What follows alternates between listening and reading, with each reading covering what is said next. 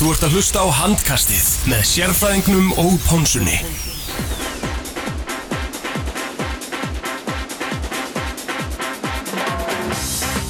Jú, komið sæl og blessuð og velkomin í handkastið á þessu fína 50. kvöldi. Tetti Ponsa hilsarkur hér úr New Balance stúdíónu og með mér eins og fyrr sérfræðingurinn og virkilega góðu gestur sjálfur Rúnar Sigdriksson, þjálfari stjórnunar í Ólistildi Karla. Sérstaklega velkomin Rúnar.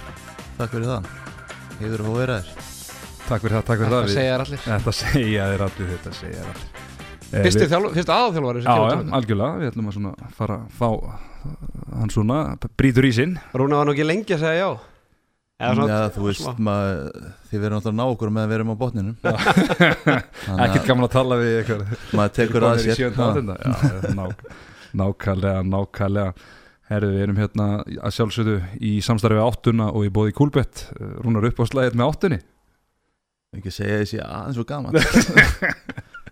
Búin að vera það lengi úti að hérna, þeir voru ekki byrjar held ég þegar ég fór síðast. Nei, voru alltaf fættir held ég bara Það er bara þannig Það er bara þannig Herru, sérfræðingur, ertu ekki bara góður eða? Ég er góður, hérna Pása Jólisteinn Kalla og, og landsleikur í gær og það er bara, það er alltaf líf og fjör í, í, í boltanum, sjöttu umfrið við glemdum eiginlega að velja leikmann, kúlbætt leikmann Já, við þurftum að ræða bara eins byttur Já, við þurftum eiginlega að ræða bara hvort það var komið aldur til þess þannig að það var vísvitandi glemdu því Já. síðast að þetta Kúlbjörnleik með sjöttum fyrir hann var valinn Tumi Steinn Rúnarsson bara fyrir að hafa mætt á sinn gamla heimavöll og, og, og, og pakkað uh, sínum gamlu félögu saman, getum við ekki Jú, ég hrættir um Já. það og, hérna, og, og Steinn fær glaðning frá, frá Kúlbett maður sá það bara á hann hérna, ég er náttúrulega þjálfað hann ykkur þrjú ár og, og hérna, þetta er gæti farið á, á tvenna veg, hann hefði getað komið bara skýtstressa á sinna heima við og ég ímynda mér orri og ímynd myndi sko pakka hann saman.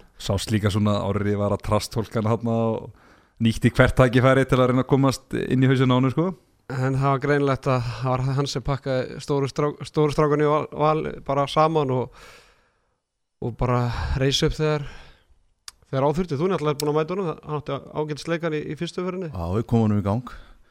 Stjórnumætti komið tuma í gang Þannig að það með hann heimskast leikmann þá getur við sagt hann að byrja þetta allt saman Nei, það er ekki eins og það er ekki Arnar þjálfan í, eða sérfræðingun og þjálfan í þrjú ár.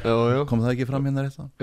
Nei, hann stóð sér mjög vel og hérna, mér finnst einmitt stert hjá svona ungun leikmann að koma heima öllin og ja, væntalega allar þessar tilfinningar í gangi og ná standið svona vel. Enda síndist mér hann að vera sáttur í leikslokk. það.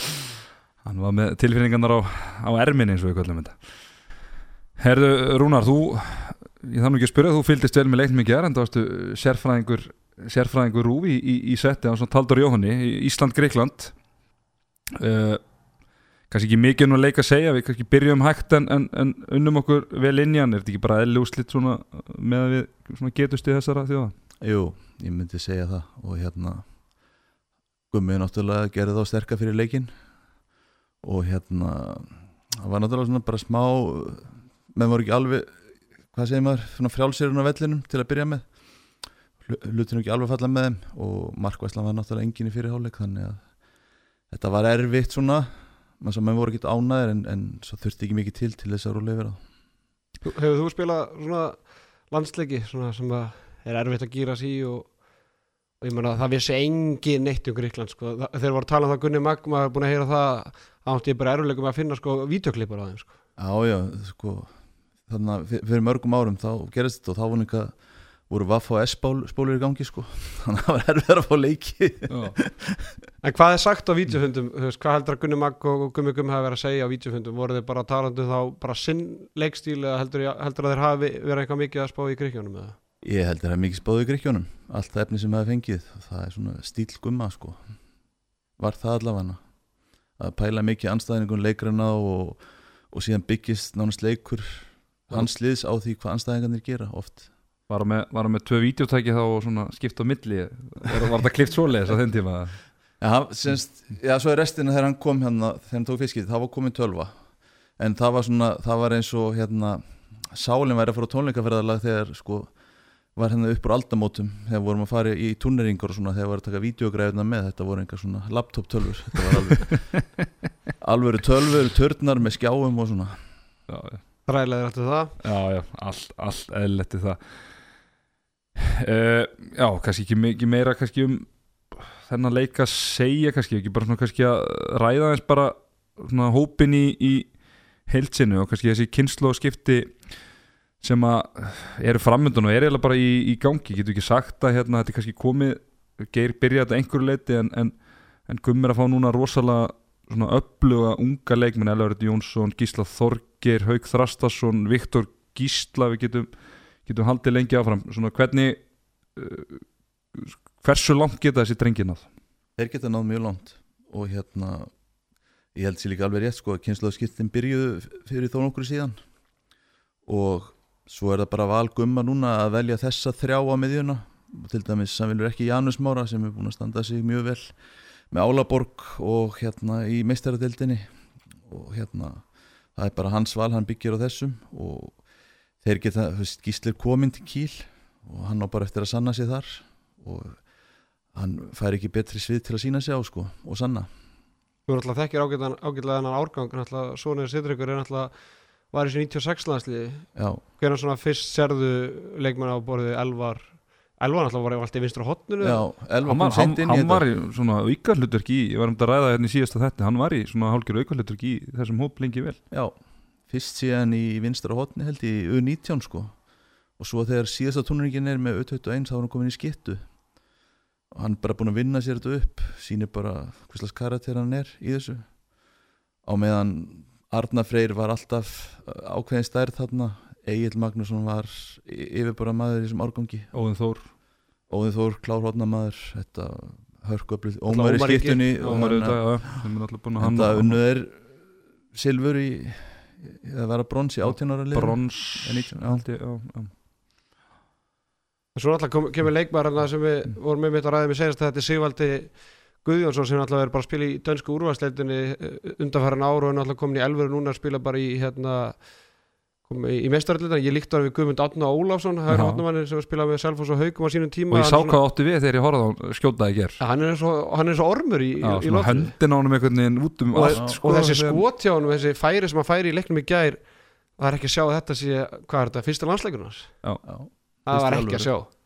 Nei, nei, en, en hann er alltaf þessi strákur náttúrulega komið hörkur einslu búin að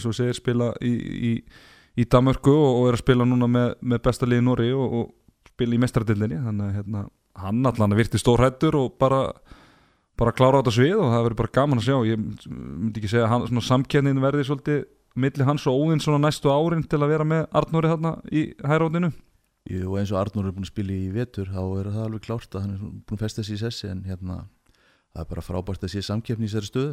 Við erum lengi með ásker örn sem eitthvað svona uppfyllingu í, hotninu þannig að mér finnst uh, bara mjög jákvætt og Óðinn sagt, spilaði mjög vel með, með GOG uh, sérstaklega undirbúinstíðanbylnu og er að, með samkeppni sína stöðu og er að spila vel GOG er topplið í Danmörku þannig að þetta er bara fínt fyrir okkur það er svona, maður heyra þessi það er meiri jákvæðni í kringum handbólta núna en fyrir kannski 2-3 árum þegar það var bara allt í upplust fannst manni sko. Finnur, munur á því eða? Já, ég finn bara ekki heima miklu meira, þú veist, fjallað um þetta og líka bara fólk spyr mér um þetta sem já, að- maður er bara meira spurður ókunnum fólki um handbólta og hérna því er náttúrulega í þátt í, þessu með, með þessum þætti og svo er hérna sjónvarpi líka að koma upplöfur einn allir leikir teknir upp og það fjallað um þetta. Það hefur allt eitthvað að segja sko. En held, heldur að, nú er ég bara að hugsa upp að heldur að þessi ungu leikmenn sem er að koma upp núna heldur að það sé stór ástæð út af því að náttúrulega stöðsöð sport var lengi vel að íhuga að taka við handbóltanum heldur að einhverjir utan, leik, menn þjálfarar sem voru innræðin í handbóltanum hafi bent stöðsöð á, herðu, það er að koma hérna upp gullkynnslóð eða er einhvern veginn sem vilji taka upp handbóltan hérna og, og íta upp þá er það núna. Þegar að fá leikmenn eins og Haug Þrastar, Gísli Þorgeri fyrra, Elvar Daniel Þór Ingarsson Ímir þegar að fá Viktor Gísla bara marpan og sem vonandi verður bara í heimsklassa. Heldur að þetta hafi skipt máli? Gæti verið, ég er samt ekki viss sko en það er líka er svona áskriðað sjónvarp ánáttalendir högg að sækja. Og hérna úti hefur semst verið lausnin að hérna að sína semst ennski boltina þessi stóri viðbyrði þetta er allt keift kaupum og sölum. Þannig að áskriðastöðu hafa verið einblinn svolítið á hvað þeir hafa sko í gardunni hjá sér. Eins og til dæmis Skæ í Þísklandi keifti handboltan fyrir tveim árum og stöð 2 náttúrulega var búin að taka körfun og tekur handbólta núna. Og þetta er eitthvað sem fólk hefur bara áhuga á, þetta er nálætti og ef þetta er gert almennilega þá er þetta búið til góða vörur mér sýnst það. Algjörlega, algjörlega, já, já, ég heldur líka svona hérna, uh, eins og við sáum með kvörubóltakvöldi, hva, hversu gott, hvað það gerði í rauninni fyrir, eins og fyrir kvörubóltan á Íslandi, að þá hafi svona kannski svona handbólta, hvað segjum við, svona reyfingin, svona farið virkilega upp á, upp á tærnar og, og, og reynda að kerði gegn og bara sem betur fyrir þá, þá er, þá er hérna uh, boltin komin yfir á, á, á stöðusport með tilherrandi umfjöllun og því um líkt. Uh, ef við ekki bara vind okkur í Það er Óli Gúst Óla Gúst, já, Óli Gúst var í stjörnunni fyrir árið síðan Já. Núna er hann bara orðið fyrstu varnamar í íslenska landsliðin og þegar ma maður held að atvinnu, eh, bara atvinnu draumar hans og, og fyrir væri alltaf niðurleið þá verðist bara allt vera á, á uppleið núna. Já, sko það, ég, mér sýnir svona á, á leiknum allavega í gæra, hann er eini maðurinn sem er ásýna stöðu í, í vörninni. Mm -hmm. eins og móti, eila móti litáin í rauninni líka sko. Og maður sér það sko að hérna, hinnir sem voru að spila með honum eða tóku við honum, þeir eru enga veginn og sama klassa. Og það er svona hann lest leikin betur það er ekkert að óða gott í honum eins og ímiði til að byrja með. Það er bara rokið út og svo eru menn bara teikaður og í allþjóðunum bolta er þetta bara bein refsing. Óli var miklu meira, hann var að lesa klippingunar stíginni hlaupaleðunar og bara gera þetta mjög vel. Já, hann er náttúrulega náttúrulega frábæð varnamæður, hann er, er hávaksin, hann er góður á fótónum, hann er nautsterkur og, og bara með fína reynslu, hann er náttúrulega dett í, í drítur svona ferillin hjá þessu stráku verið ákveðin vonbrið, hann náttúrulega er uppöldisbróðum inn úr, úr kaplagriganum og, og hann hefur bara frá því að maður mann eftir sér bara alltaf verið að svona glíma við meðsli og þegar svona, svona hægt á hans framþróun svolítið, eða svona kannski gert minnu hans ferli heldur en annars, ég menna hann hann uh, náttúrulega hefur spilað hann hefur, var Evrópumestari með Flensburg þá hann hefur verið auka hlutur ekki, þá allan var hann þar. Hann er virkilega gaman að sjá Óla stíg og bara, við þurfum bara að halda hún og við bara, bara hann algjör líkilmaður í okkar, okkar varnarleik. Já, sko, mér finnst eins og hann sko, það, það, að vera í Flensburg það er alveg afreik búta fyrir sig. Og mér finnst það oft svona gleymast og hérna hann er náttúrulega verið óhefn og allt það en nú er hann komin sérst í þessa stöðu. Og mér sýnist ekki að þessi varnarleikun hann verður að finna eitthvað sem virka með honum. En það sem ég vil sjá gerast líka hjá sko að við nýtum hans sem þessa skiptu sem hann er. Að hann komi í setnibilginu á eftir í, í hraða sóknir og við nýtum þennan skotkraft og hæð sem hann hefur. Ekki bara, mér finnst það að vera ekki nýttur sko eins og þessu. Hann stoppar allt og snemma, hann tekur engan þátt í setnibilginu eða þriðja fasa hann drefust tilbaka og svo bara fer hann út af. Mér finnst það að vanta hann sé bara einn af þessum þrem útspilunum sem kom á ferðinu upp og sé bara stór hættulur Þetta er ekki Sverri Jakobsson sko Nei, ég sé ja, Mér stannir við því að, að Jokka alltaf var út á og... En, en áður við, hérna sem skilum við landslið Haugur Þrastarsson, ef þú varir umbóðsmaður Haugs Þrastarssonar núna hvert myndur þú senda strákin myndur þú halda hann með selfhóðsins í næsta tímabili líklega ekki sem þjálfar í stjórnun og þú vilt náttúrulega bara leikmæður að fara í burt og hérna þurfi ekki að eiga við hann aftur en, en hvað á leikmæður sem Haugur Þrastarsson að gera? Það er að tala um að Gísleið Þorgi fór í Kíl Ómar Ingi, hann fór í Orhus fekk að spila þar fullt en núna komin í Álaborg hvert á Haugur Þrastarsson að fara? Það verður hann bara að skoða það sem kemur upp á borðið sko en ég held að sko það er mikilvægt fyrir unga stráka eða vilja svona flýta leiðin á toppin, það er náttúrulega það er að komast í landsliðið og það er svona einlega sko ef, eins og hann er bara komin og þá sagt, er hann komin á stóra svið og þá er, er miklu öðuldar að komast í stóru liðin og það, þá sleppir hann kannski mörgum tveim, þreim þrepum til þess að komast ánga og kemur bara beint inn, kannski svo Gísli Þorgir að koma í kíl sko. Og það hjálpar mjög mikið náttúrulega ef það er eitthvað hlutverk fyrir hann. En svo er líka þetta bara að sjá sko, hver verður þróun og Gísla Þorgir í vetur. Við erum þetta hjálpunum eða náttúrulega Kíl var að losa sig við einn útispillara þannig að hann er þá komin aðeins framar í gókunaröðuna og það er bara ágætt fyrir hann að horfa á það. En ég myndi veist, ég myndi ekki vilja missa hann úr deildinni bara því hann er hérna hjöður liði sko, mér veist svona strákar gefur sér bara lit og hérna það er bara að sigra það Já, já, algjörlega og eins og með með Gísla, hann er rauninni bara er á nákvæmlega sama stað á sínu ferli og Aron Pálmar sem var fyrir, fyrir e, nýjóra síðan. Þeir eru jafn, gamlir, fara jafn gamlir út í rauninni og með saman þjálfara og, og, og svona Aroni var mjall, svona mjallaði nýta svona hægt og bítandi sko og allir verist hérna vera með Gísla í svona svipuð programmi þannig að það verður gaman að sjá. En ég held bara eins og með Hauk Þrastason ég held að hann er bara komið lengra á sínu ferli heldur en að til dæmis Aron og Gísli voru á sama aldri. Hann er allavega klárlega lengra en gísli sko. Já. og hérna Aron reyndar í fyrstu deildinni þegar, úst, þegar hann var jakkamall og, og, og, og hérna Haukur er núna. En mér finnst sko, ég, nú veit ég þið þið eru úr hafnaferðinum var Aron ekki betri leikmaður en gísli á þessum tíma eða öðruvís Jó, hann var svona uh, svona uh, þetta svona exceptional uh, svona handbólta talent kannski en svona gísli kannski með meiri sprengju sko. Og var líka í stóru hlutverk í góðu liði. Aron var kannski ekkert í góðu F-fáli með fullar verðingu til það fórum að svona, það var alltaf eins og segir hann var bara í fyrstöldinu og svo var bara í lala liði Já, svona, já, svona sjötta, sjönda en kannski gísliði fær bara þvílíkt hérna að herða sér hvað síðustu tvö ár og er bara koni tvö, tvær úslitarimur sko, Mhm. 18, 19 ára þannig að það er ekki smá reynsla sem er að fær þar já, en Aron svona talent, jú, maður binda ma, skot, já, eða ma, svona- ma vissi, mað vissi bara þegar Aron var 12 ára hann er bara top 5 leikmæri heimi sko. hann var alveg svona þar sko. en svona gísli þú veist maður kannski hugsa ekki mm, svona sama með hann þegar hann kom upp bara jú, hann er ógæslega góður og allt það en svo náttúrulega tóka bara gríðalegu framfæri næstu tvö árin og, og hérna og gerði það gríðalega vel og, það fór ekki að sama liftingaprogram og Aron hvað sér ég? það fór ekki að sama liftingaprogram og Aron? Bís og trís nei. nei, nei, og hérna bara gríla dullur og, og, og svona, já, hann eh, bara vitna á langt og, og leggur hart að sér og, og, og bara vonandi að hann uh, meikið þarna í, í kýl það væri óskandi. Hmm. já, þú veist að þeir eru allir að gera gott og þessir strákar, það er mist svona jákvæmt við að þeir leggja alveg ótrúlega mikið á sig þessi kynslu og það er ekkert skrítið að hún sé miklu betri heldur en kynsluðin sem er kannski tíu árum eldri.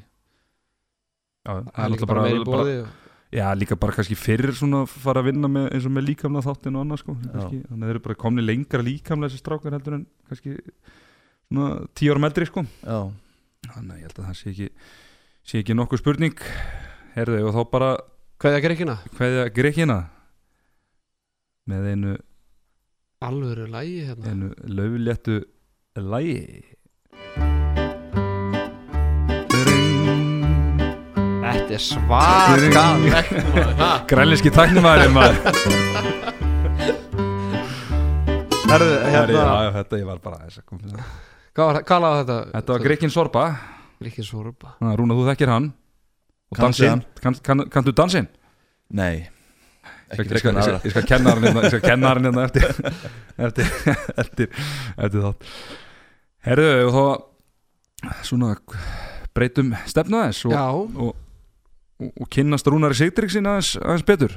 Rúnar Sigdursson tók við hérna, stjórnulegin í Ólastil Karla fyrir, fyrir tíðanbili búin að vera erlendis í, í þó nokkur ár og ég fór að hugsa bara að það er örgulega helmingur hlust, uh, hlustandi okkar hann kannski sem gera sér ekki grein fyrir hver Rúnar Sigdursson er þessi dökk gráharði maður á hlýjalínu hjá, hjá, hjá stjórnunni Rúnar, Silfur Refur. Já Silfur yfir Rúnar, bara hver er maðurinn? já, ég er sem sagt uh, kem frá Akureyri fætur þar og hérna já búin að vera í þessum bolta lengi sko og hérna spilaði og hérna var í landsliði fyrst við erum með handbolta þetta, tala bara um það. Og hérna Ekki nema 180 landsleikir að baki.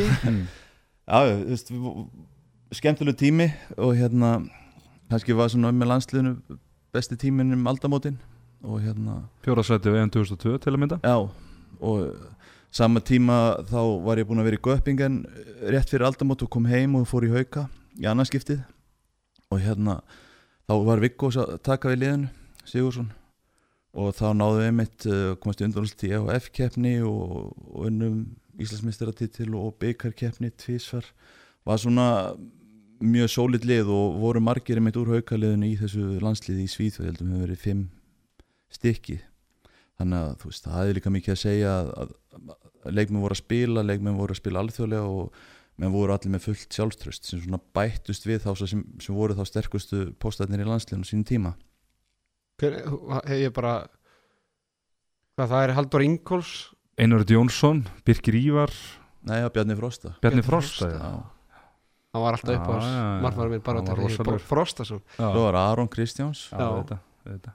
síðan alltaf voruð með sjankuts á línunni þið voru með Já, hvað, Jónkall bara í vinstri hóttinu og, og Þorkill Magnús Tjörfi Já, Þóra þeir þrýr, það passar.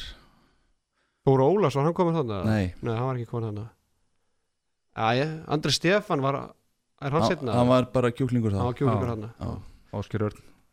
Áskir Öll kom þarna inn já, á þessu, Já, hann var hann 17 ára. Dóri meittist í úslakefni Mhm. svona svipað og kannski gísli núna, bara byrjaði úslakefni og sló strax í gegn.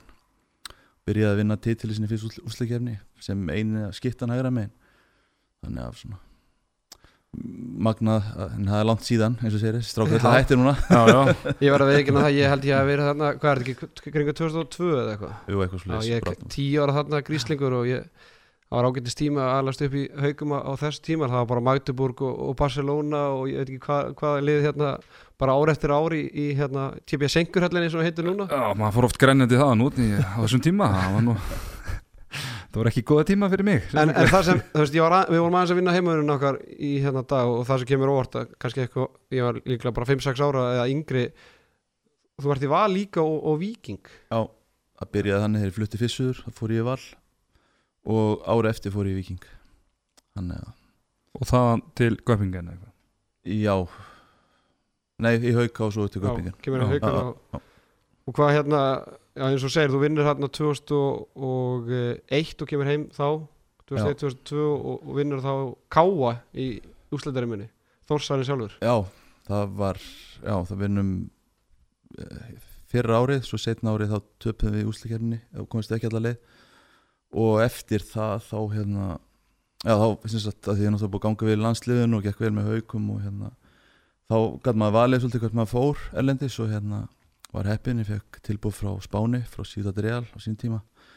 Og hérna þar verðum við byggameistarar og þú veist þetta var bara svona keppni við Barcelona allt í anbili töpuðum með tveim stigum di- titlinum og unnum það var byggarnir síðan og síðan urðum við, já, urðum hérna EOF byggarkeppnina líka. Já, og einmitt þú hérna talar, segir það í viðtali eftir leik að þetta sé hápunkturinn á þínu ferli og það segir mér þess að það stendur að Rúna Sigdursson er þið áfram með síðan næsta tíðanbili en svo bara nokkur mánuði setna þá ertu komin til Þýskalands. Já. Já, þetta var nú þannig að hérna á sínum tíma þá sem sagt, sumarið 2003 minni mig, það var rétt með þetta þá er þessi tíma það er, það er að koma olimpíuleikar 2004 og DJ Dínart hérna frakkin er Já, að koma til litli- Ciudad Real Þessi og þetta var þarna. svona, þú veist Þurfti hann til, a, til að replacea þig Já, já, maður hérna, þetta var svona spurning að fara til Valló í, í Þýskalandi og hérna, og fá að spila eða vera áfram að, að þú veist, hætt að sitja á bekknum og hérna og sem maður segir, maður á alltaf að taka slægin ef maður segir eftir hún eftir á þótt að það sé lítið illa út eða sem sé fónlust fyrirfram þá hefði verið gaman að vera í þessu áfram sko. Óli Stef, hann kemur hann til síðan þessum tíma Já, já. Sam, Sama sumur og þú ferði Já, já, já, já, já. Að þið náðu ekki en spilar með honum í val þá Ég spila mjög val hann fyrst þegar flutt suður Já. þegar var tvítur. Hann er stórfyrirlegt eintak. Stórgóður Já, hann- Er það besti leikmann sem þú spila með? Í einn af þeim sko eru veist, Taland útsipa var alveg frábær og Albert og Ender Ríos Íkver og Mero voru í vinstri skiptunni við vorum uh, Úriós kúbumannin á línunni Mhm. og það var rosa gaman að vera á varnaræfingu síðan real með, með Dutsip að miðjun á móti sér og, og hann á línunni. Sókninni gekk alltaf betur heldur en vörninni. Hann fekk, svo, fekk hann ekki ríkis, ríkisbókari að spanskan svo? Jú, já, hann, og var síðan heimsmyndstæður með Spáni. Já. en svo ferði eins og segja til Þý- Þýskalands og hérna hittir þar fyrir um liðsfélag Einar Örn Jónsson og, Já, og hérna það er svona, það var ekki jafn mikið gleðið þar eins og í, í, á Spáni, nei, nei, langt í frá kannski? Langt í frá. Félagi var á bara með gjaldþrótt og hérna var síðan gjaldþrótta í kjölfarið e- einu ári setna og hérna líka, við vorum líka sest, með tvö börn og það voru að hugsa sér til reyfing sem sumar til að hafa eitthvað reynu þetta olimpíu sumar. Og hérna ákvaða að fara til Æsinak sem síðan fjallu og hérna þá maður komin í aðradildina og þá var maður einlega svona farin að hugsa að þetta væri bara orðið gott í bili Hvað er þú gamall þarna? 30 og 30 Já. eitthvað það er bara líka með minn þóldi ekki lengur sko, ekki guðan valur Það er stærri, Já. þingri og svo hérna já, svo vill að þannig til að hérna þegar ég kem til æsina þá bara kemur maður í fyrsta leik frá olimpíuleikunum og hérna liði byrjar illa sem vill oft verða með lið sem falla úr deild úr fyrst deild í aðra og hérna og þjálfarinn er rekin síðan eftir einhverju nokkrar umferðir.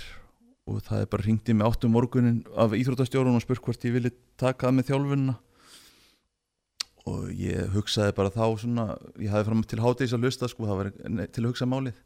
Þá hugsaði ég nú bara að það var kannski ágætt að ég myndi stjórn þessu sjálfur í staðin fyrir að fá bara einhvern annan til að gera þetta og hérna getum við að dreifum bara svona hægt og rólega til liðar sko og úr því varð málið og þetta gekk alveg fína, fínt það sem eftir að vetrar og hérna svo fluttum við bara heim, norður. Hvernig samt að vera bara leikmaður og svo bara allt í orðinu þjálfari? Þetta er tvent ólíkt. Já, já, og hérna fór eiginlega bara það nýða þarna hérna, það stráksinn Stefan Kner hann var þá 17 ára. Og hann semst var síðan þýskul landslísmaður og er núna orðin varna sérfræðingur hjá Vetslar, búin að vera það í nokkur ár. Var hjá Magdeburg áður. Hann hérna, bara let hann spila í minni stöðu og bara gekk fínt sko Hafður alltaf hugað því að verða þjálfari? Nei, eiginlega ekki sko. Var yngri flokka þjálfari húnna til að byrja með. Og svo var, var ég ekkert að pæla neitt í þessu sko. Ég var ekkert uh, ekstra að halda dagbækur því miður um það sem maður sjálfur var að æfa hjá hinum að þessum. Og hérna ég held að það sé svona, veist, ef leikminn í dag er að stefna þjálfinn setna mér þá er það, ættu þeir að gera það að halda utan það sem þeir eru að gera sem leikmenn vegna þess að ég held að það er það sem skiptir máli þegar þú komið síðan hinum með borðið. En með að heyra þetta svona skinnið af því að, að frá því þú ferð frá síðan þá svona, þetta tekið svona uppi og þú sko, þú kemur náttúrulega heim aftur svo, og tekur við Þór og síðan Akuri en hört með smá tengslan við þjálfarinnet í, í Þýskalandi virðist vera eða eitthvað Já, já, þannig að var hann í æsinakk og, og hérna þeir vildu hafa mig áfram en þú veist, var bara búin ákveða að fara heim og hérna og síðan, þú veist, gerist það þá setna þegar það vant að þjálfara í ái sem er ekki langt frá að hérna, út af þessum kontaktum þá er, þú veist, haft samband við mig. Það hefur einhver sagt í framkvæmdastjóna það er að það hafi náttúrulega verið einhver vittlis íslendingur hann sem var alveg ágættur, hann getur kannski ringt í hann. Teka, á. en þú flyttur heim aðna 2005 og, flyttur norðinu svo sagðir á hann og, og þar tekur þar ertu hvað spilandi þjálfari og framkvæmtastjóri Þórs Já, ég er framkvæmdastjóri Þór semst íþjóttafélagsins mm. og hérna og svo er ég með Axel Stefáns að þjálfa Þór mann og ég þetta var eitthvað, hvað var ekki 15 eða 17 liðið dildin eða eitthvað, það var bara einn dild þetta var, Fjall, var, þetta var tímabila ára var fækkað heldur verið 14 lið og fjallu 6 já, eitthvað svo liðis, Já. já, já, og þið endið þar, þið fallið þar í- hvað endið ekki, hvað 11. sætið eitthvað svo liðs Já, þriðja En- neðsta Já, en, en voru með nokkra áhugaverða leikminn þarna fyrir utan þig auðvitað þá voru, voruð þið með Kotnungan Sveinbjörn Pétursson þarna í markinu meðal annars Arnóð Þó Gunnarsson, 18 ára og bróður hans Aron Einar Gunnarsson sem er nú þekktu fyrir fyrir áreiksinn í annar íþrótt, hann spilaði þarna eitthvað aðeins með Hann ykkur er þekktu fyrir sín innköst. Já, já. Sindri Haraldsson sem að eigamæður sem að var síðar Íslands og byggamestari í IBF. Þannig að þetta þetta var uh, skemmtilegt lið. Hvernig, hvernig voru viðbreyðin að fara uh, úr Þískalandi yfir í, yfir í íslensku deildina þau voru mjög mikil. Og veist, ég skil alla þessar stráka sem er að koma heim sem eiga svona erfitt uppdráttar að svona, þetta eru voðalega viðbriði þannig að hérna það segja allir þetta sé ekkert mál sko og eitthvað svona og eða, þú veist reyna að láta lítið vel út og reyna að tækla þetta sko en ég, þú veist, bara eins og Bjöggi Gúst skilur, hann kom í fyrra og ætlaði sér að setjast þér að en svo þú veist, var hann búin að skrifa undir við skern fyrir jól sko Já, já. að- Hann má þó eiga það, að hann stóð sig hann var, hann tæklaði spilamennskuna frábælega Já, já, hann tækla spilum en þú veist, ég var Einn að fáum, alveg rétt. En ég var svona að hugsa kannski með svo ásker hann svolítið erfitt núna. Já, já, Aron Rappni fyrra og, og hérna, fleiri, Snorri Steinn snáði ekki að stimpla sér inn í fyrra þegar hann kom og Nei. fleiri til, það er alveg horrið en, en síðan, Ég hef ekki kannski að fara yfir eitt skemmtilega punkt ára við förum Já. á þessu tímbili það var frá leikur hann rúnar 24. mars 2006 í Kaplagrika þar mættumst við Nú, Ég var búin að gleyma þessu. Já, heldur betur.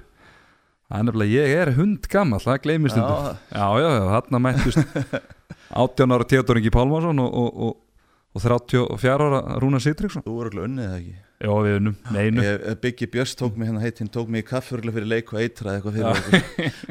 En þú skoraði fimm mörg Ég skoraði ekkert, ég var svolítið með eina tvær myndir væntalega Já, já, já, gaman að þessu. En hvað, þetta er ári áður þið saminni síðan Ká og Þór. Já, því Já. Þór fellur og Káa er uppi og þá er ákveða hvað að fara í sammenningu Já, eða svona þetta var búið að vera það reksturinn hafði bara verið erfiður á báðum. Þó Káa hafði náttúrulega bara meira lagt í þetta þannig að var hann kannski erfiðari þar hjá þeirra dild og sem frangvöndastjóri íþjóttafélagsins þá sá maður hvað þetta var erfitt bara að halda svona út til svona útgerð og hérna á bara ákveða reyna á þetta og þú veist þótt að að búið að að tala um þetta og hugsa um þetta og uh, slagurum var tekin og þetta var ekkert nema mótvindur sko til að byrja með.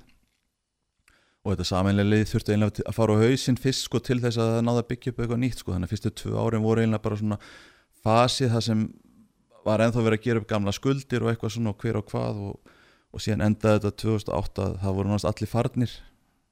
Það farið einhverjir 14-15 leikmenn. Og svo var bara að byrja upp á nýtt. Og hérna þá kom smá fút í þetta og menn sættu sig við þetta væri bara eitt lið líka utanfrá því annars verður þetta bara búið handbólti og akureyri.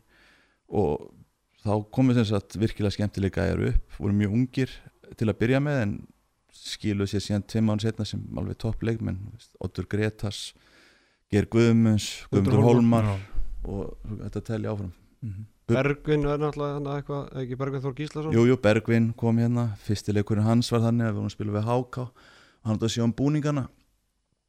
Og hann glemdi búningatöskunni á, út af flugulli og hérna þegar í leikinn þá vantaði búningatöskuna. Þannig að það var ringt á Reykjavíkflugull og þeir sögðu að það snýrist með einhver taskaðuna og brettir og, og þannig að við báðum hérna hvort hann geti ekki látið taxa á hann og kert hann upp í Digranes í Kópói ekkert mál. Og svo bara kemur ekki leigubíl upp í Digranesi. Það er bara fyrir að nálgast leik og það er 20 minnur leik og þá fyrir að ringja hvers í leigubílinn og þá er hérna kemur að ljósa að hann fór í sporthúsið í Kópói og beið þar fyrir utan með töskuna. Og við vorum farin að hita upp á Narjón fyrir leik og eitthvað svona hitaböksunum og enga búninga. Og e, svo koma búningan rétt fyrir leik og leiknum senkaði eitthvað 5-10 mínútur út af þessu og við unnum síðan háká og Gunni Magg held því fram og heldur það örgulega ennþá að þetta hafi verið eitthvað sálfræðitrykk hjá okkur.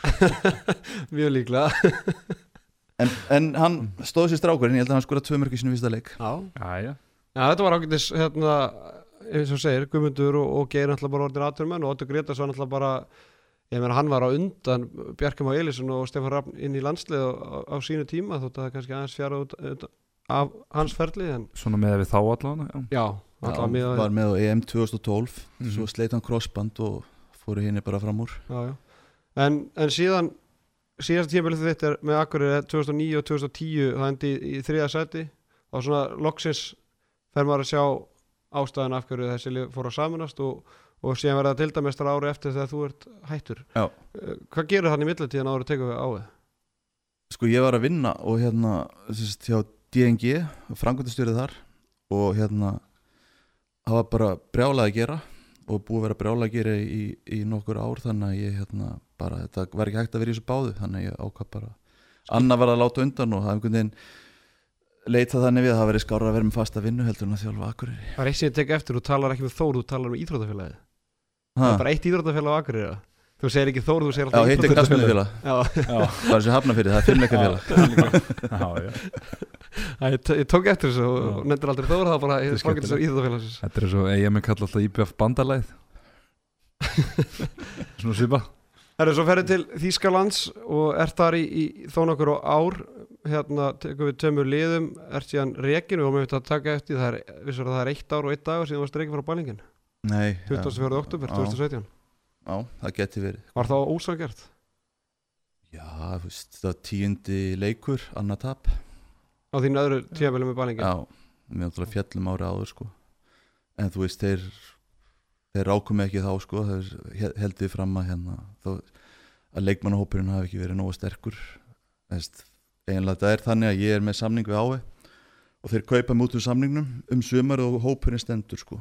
Og hérna og við erum í já, fallbart allt tímabilið svo reiknaða með maður vissi svona að þetta væri þetta væri töff jobb sko en maður vildi taka sénsinn það er ótrúlega, það er ekkert auðvelt að komast upp um deild, það er ekki mörg tækifæri sem bjóðast.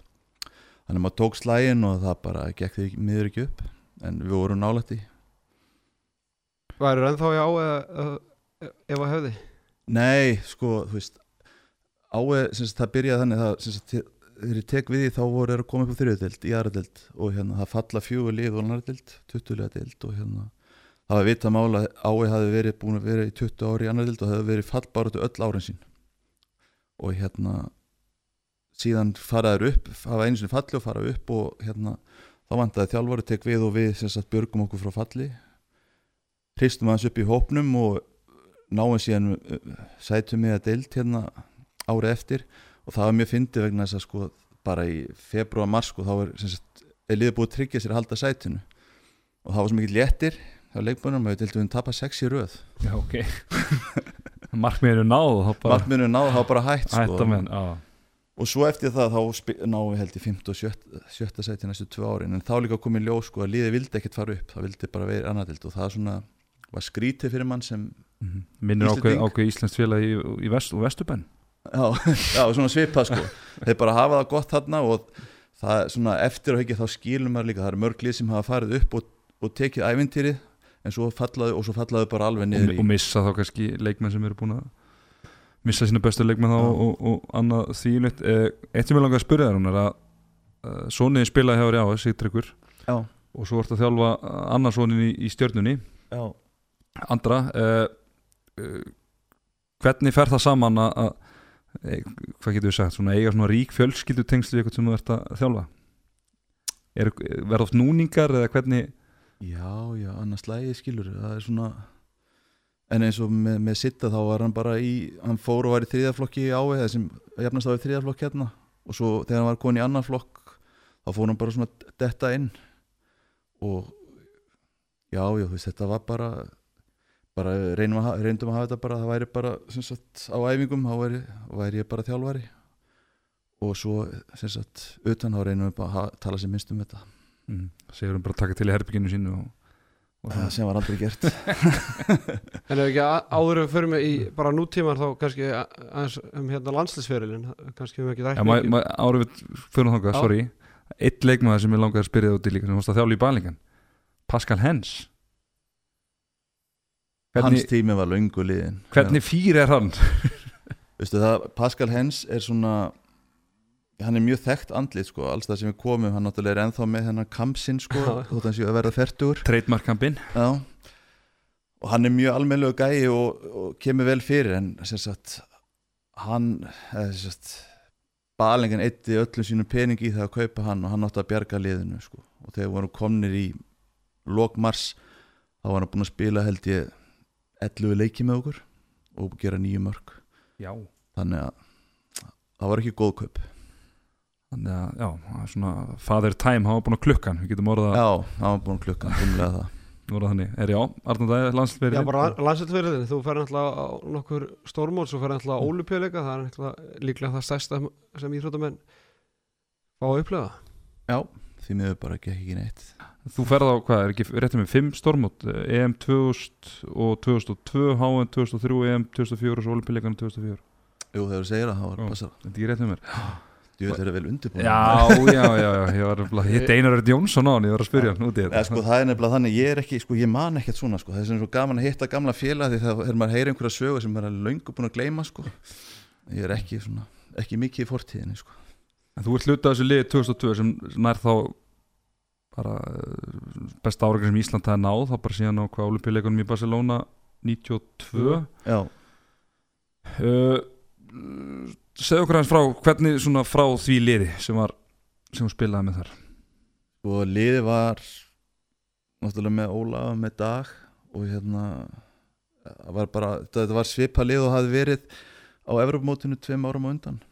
Málið var að við höfum floppað á Evropamóti sem sagt á Ólimpíu árunu og það byggust allir meira við okkur og við sjálfur, við komist ekki upp á riðlun og ólimpíuleikarnir voru svolítið framhald af því. og mikið lagt í þetta. Æfðum allt sumarið og svona svo þegar það var erfitt til að byrja með ólimpíuleikarnir mann eftir svona þá þú veist, menn voru þreyttum og leggja mikið í þetta og mikið samverð og mikið æftið og þungt að þá svona vantaði allan léttleika til að kýla þetta í gang sko að komast yfir fyrsta hjallan.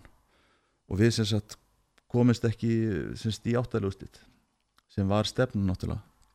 Og vorum alveg lið til þess. En svo það sem kemur í kjölfæri náttúrulega er veist, þeir sem voru þarna og fóru síðan aftur þú veist, þjálfærin Guðmundur Óli Áskir var örugglega með líka. Guðum Valur já, Guðum Valur þetta, þú veist, og þeir nýtti þetta allir saman sko, og, og síðan tóku næsta skref. Ég man líka sko fyrir eins og fyrir svíð þegar þeir voru með undanúrslit það var Gústi Bjarnar með okkur hérna hodnamaðurinn knái. Og hann, Hátja marka maður gegn Rælandi já, hann hafði hérna verið í olimpíuleikunum í Barcelona og hann saði þeim strákar ekki hérna, nú er einhvern undanúrslit ekki gera sögum meðstöngin síðast, það er grátlegt að fara í undanúrslit og koma síðan heim með ekki neitt. Og það var svo leiðis Það er eins og það er. Það er oft talað um að maður ekki að segja hvað maður ætlar ekki að að gera. gera. Já, já, Þannig að þið kannski getið lært af því en, en hingartu komin heim aftur árið 2018 í, í sumar skrifaður undir já, hérna, stjórnunni Já. Og af hverju stjarnan og, og voru fleiri lið sem komið til greina? Og stalt á leiðinni heim eða? Nei, við ákveðum að flytja heim mánaðamóti mars-apríl það var bara svona það var líka að vera hægt að vera eitt ári viðbót og býða eftir einhverju en veist, ég var búinn að fá tilbúið að þjálfa aftur æsinak sem síðan fjall sko með um jólin bara stutt eftir ég var reikin og ég svona var ekki til í það og svo þegar maður fór að líða þá fór maður að sjá það sko að maður er ekki tilbúin að taka hvað sem er að sér þá kannski alveg gott að fara heim. Krakkarnir svona skóla það er flytja melli ríki í Þísklandi mjög erfitt skólalega séð fyrir krakka.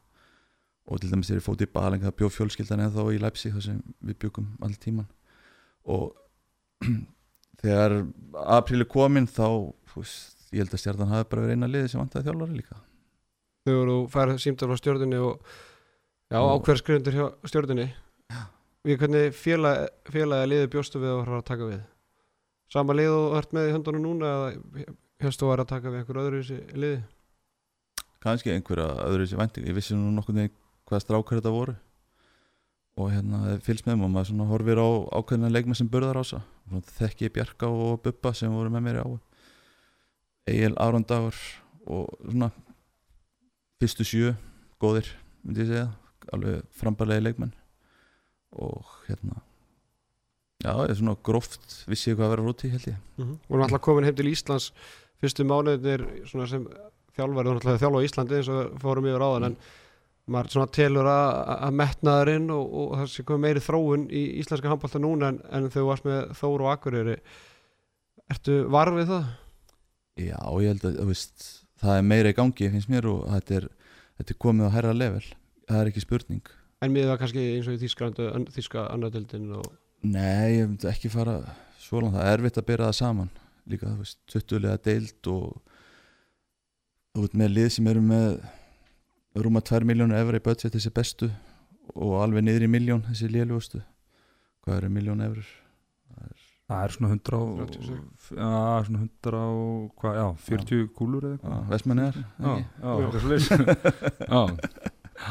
Eða Valur?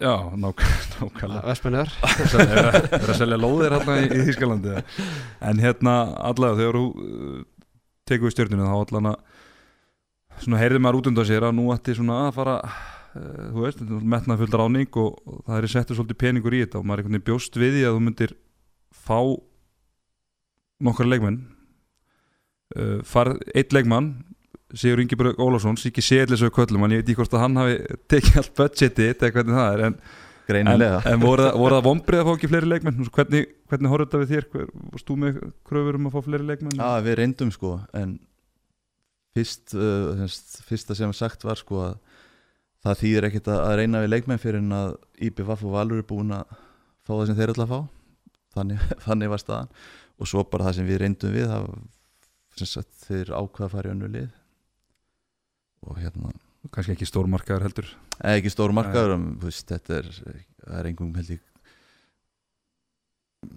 Já. Markar kannski öðru sem bjóstu við það? Nei, nei, þú veist, ég, eins og ég segi sko, ég vissi nokkuð hvað maður vill hafa kannski eitthvað aðeins aðeins hérna vilja allir þjálfara hafa breyður og hóp og svo, og svo framvegis en hérna þú veist, Garðar var að hætta en svo bara gert samkomulega við hann að hann myndi koma inn. Hann er bara, við erum ekki með neitt annan sóknarínumann sem hefur gæði á við hann. Þannig að það er þá skárra að gera svoleiðis málamiðlun, finnst mér heldur en að gera ekki neitt að vera að leita einhverjum öðrum sem er ekki búin að vera í félagin mm. Þú- Setur ykkur Rúnars var, var ekki mikið- möguleik að fá hann? Hann? Já, Nei, hann er á góðum stað sko. Ég held að hann sé ekkert ekkert á leiðinni heim. Það vildi ekkert hjálpa pappa gamla Nei, nei, þú veist. Ja, Hann er bara á, á öðrum stað og veist, hann er náttúrulega búin að alast um handbóltalega þarna og er svona með, með fínasta rep í, í Þískalandi og sérstaklega í sér deild. Hann er búin að spila í annar deildinni í fimm ár og síðasta semst árið með ái þá var hann þrjusu góður sko og hérna það er svona heldur hann með þá á floti. Hann er bara búin að opna með meðsli þetta árið og það er bara gaman að sjá þegar hann kemst í stand. Algjörlega, hvað hérna uh, voru ykkur sérstakar stöður sem þú varst að svona, skoða styrkja frekar en aðrar? En sko það var ma markmannstæðan sem við vildum hafa eh, vel mannaða og við vorum að skoða náttúrulega línumann. Og þá semst helst sem geti spila báðum og vellinum. Svona væri, væri öflugur. Og svo náttúrulega ég, semst mín skoðan var það áður en ég tók við liðinu þótti ég að síðan þurft að skiptum skoðun og, og spila á því sko. Mín skoðun er að Aron Dagur sé skitta en ekki miðjumæður og ætlaði bara að vera með tvöfalt sett vinstra megin og bara helviti öflugt og vera síðan með eitt til, til að stýra þessu sko. Og svo eh, með aðra hægra megin sem sem ég sá í fyrra var, var mjög gott það sem hann var að sína en hérna var fyrir ó, ó, ólan að meiðast og er ekki ennþá komin í gang. Mhm. þannig að ég sá fyrir mér einhvern miðjumann sem væri snöggur vegna þess að uh, stjórnulegði átti mjög erfitt með að spila á móti framlíkjandi vörnum. Og hérna þeir voru náttúrulega allir stórir og, og það vantaði einhverja tengingu þarna milli, það var lítið flott að fá einhvern miðjumann sem geti stjórnað þess og springt aðeins upp leikin með meiri hraða. Anton Rúnarsson, það var nafn sem kom upp í umræðinni hann er ekki nóg snöggur. Hann er ekki En, en ef við ta- talum um þetta, við erum alltaf rættum um þetta hvað ég þar sem sagt þetta þegar við vorum kemandi haugunum að þeir eru með 60% skotan utan á velli og, og ég sá, horfði á hana leik og þeir voru ekki líklegir að fá vítakost eða neitt, þetta er svolítið svona, eins og segir þeir, eru með sleggjur og þeir eru skjótandi á kannski 13-14 metrunum sko. Já, en sko við höfum líka bara, þú veist, hvað hefur maður veist, ég get ekki farið í þennan hérna hnóðbolta og töfalda sjensin sem er svo vinsall á Íslandi því miður sko, það er bara við verðum að byggja á þessu og sérstaklega þegar liðið er svona uppsett þegar við erum komin eiginlega með flest alla það sem háðugur á móti haukum var til dæmis að Garðar datt út meittur og hérna Bjarki reynir sitt en hann er ekki sóknarlínum maður. Það er alveg klárt og hérna sé, gekk vel framan af en hérna vantaði að klára leikin og, og náttúrulega þegar maður er ekki að reyna að fara með 1-2 þá náttúrulega er erfitt að opna fyrir hotnið þeir fá ekki mörg hotnafæri og svona þannig að þú ert kannski að reyna að svona sníða spilumverskun eftir leikmennin sem þú ert með en þú hefur hæglega vilja kannski fá einn miðjumann sem getur þá kannski aðeins hjálpa til með línuspil og, og hotnarspil að, sérst, ef ég væri anstæðingur þá erum við útreiknarlegir sko. Og ég myndi að segja það bara þannig það er bara, það er alveg deinu ljósara en hérna það er líka sko, við lendum eins og Egil datt út og Ari datt út í fyrstu, hvað var það, þrjárumferðinar og Mhm. hérna við erum svolítið svona veist, þetta, við erum ekki búin að tengja nógu vel sko, veist, það vantar finnst mér smá hjá okkur og líka varnarlega okkur vantar uh, við erum, vörnin hjá okkur hún dalar eftir sem álíður leikir og ættir nú að þéttast þegar vel gengur sko og hérna það eru svona nokkur hlut sem þurfa ennþá að fínpúsa og ef það næst þá náttúrulega fyrir að taka en stig en, en fram að þessu við erum komnir í það að sem, sagt, það er margt sem er mjög gott sem við erum að gera en það eru litlu hlutinni sem hafa kostað okkur stig á móti FA og haugum ég get alveg, ég get það að hefur komið inn eftir valsleikin þá væri ég líklega aðeins beittar að, hennar á því en, en eins og segir, F-leikurinn og haukaleikurinn ef þú hefði nokkur skot í stöngin inn þá væriðu konum með allavega 2 til 3 stig meira sko Já, en veist, samt sem áður sko, náttúrulega, með þessu valsleikin til dæmis, þá var þetta jákvæmst í rétta átt sko, en það snýst náttúrulega líka um, líka um það að klára leikina og við um það alveg eftir. Og hérna maður er gaman að sjá eftir pásuna hvernig við tökum, tæklum það, hvort við náum að klára leiki. Það er eitt sem ég á Tettu tekið eftir og sérstaklega Tettu tók eftir í senast á mútið haugum og ég er náttúrulega, þú ert að taka tvö leikli mjög stemmandi val en þú ert að taka tvö leikli svolítið snemma bæða mútið val sá ég og svo líka mútið haugum eitthvað, er, ertu vanur þessu, ertu vanur að nota leikliðin þegar þú þarf það bara að halda eða Já, menn þá leikur þessi jafn. Er það Já, sko sko, fyrra leiklið á móti haugum, við tölum um það bara. Stöðunni þrjú þrjú já, já, já, að þá er sóknarleikun engan veginn ganga hjá okkur en það gekk svo sem ekkit í fyrra hálfleik. Og setna leiklið þá er haukar komnir í 12-9 þrem yfir. Og ég hugsa náttúrulega leiklið líka þá, þá sko, þú veist að hérna, til hvers að eiga tvö leiklið í setni hálfleik þegar þú ert með mínus 5 í hálfleik sko, akkur reynir ekki að stoppa það fyrir eitthvað í fyrir hálfleik og, og Mhm. geta þá klára leikin út þannig að þetta er ekki taktík en þú veist, maður er með tvö leikli í hálfleik og þá má maður náttúrulega reyna að nota þið bæði í fyrri til þess að halda leiknum jöfnum í staðan fyrir að ætla að nota þau setni þegar kannski leikurinn er þá búin í hálfleik eða, Væri til að fá fleiri leikli í eða? nei, þetta er það, hérna eh, einu ummæli sem við lest falla í uppbytunar þætti setnibilgjunar fyrir tímabilið eh, þar sem þú talar, eh, mann ekki orða nákvæmlega en eitthvað á það leið að þið myndu byrja móti í, nóvember. Sástu fram á að það væri það mikið verk að vinna að liðið myndi þurfa fyrstu tvo mánuði mótsins til að spila sig almennilega saman? Já, það lítur vel út að ég hef sagt november núna sko en ég held ég hef sagt oktober en hérna sko máli var líka sko að hérna það voru bara það voru líka meðslavandar á undirbúinstíðanbílunu svo var annað undirbúinstíðanbílunu sem menn kannski vitt ekki að hérna að við æfðum í júli tvo daga í mýrinni og svo var henni lokað og hún var lokuð allan ágúst og okkur var útýst út á Altanis með stelpuliðunum bara svona fengum að æfa þar í einhverja mínútur veist, á viku. Og það náttúrulega skiptir máli hvort þú sért að æfi þínu húsi þar sem getur æft uh, ekstra mikið undirbúinstíminu og komið hlutónu saman eða hvort þú sért bara inn í einhverju stundaskrá út á Altanesi sko. Vissur þetta og tókstu við liðinu eða? Nei, þetta kom bara beint og ég held að enginn hafi vita þetta. Átt að gera þetta. Náttúrulega húsi stóð aukt í júni og júli þannig að þetta var mjög skrítið. Þetta var bæði kalla á hvernig liðin þurfti að fara í burtu. Það voru eitthvað framkvæmdir eða hvað? Já, gólfið var slípað upp Já, og já, svona. já, já. en hérna.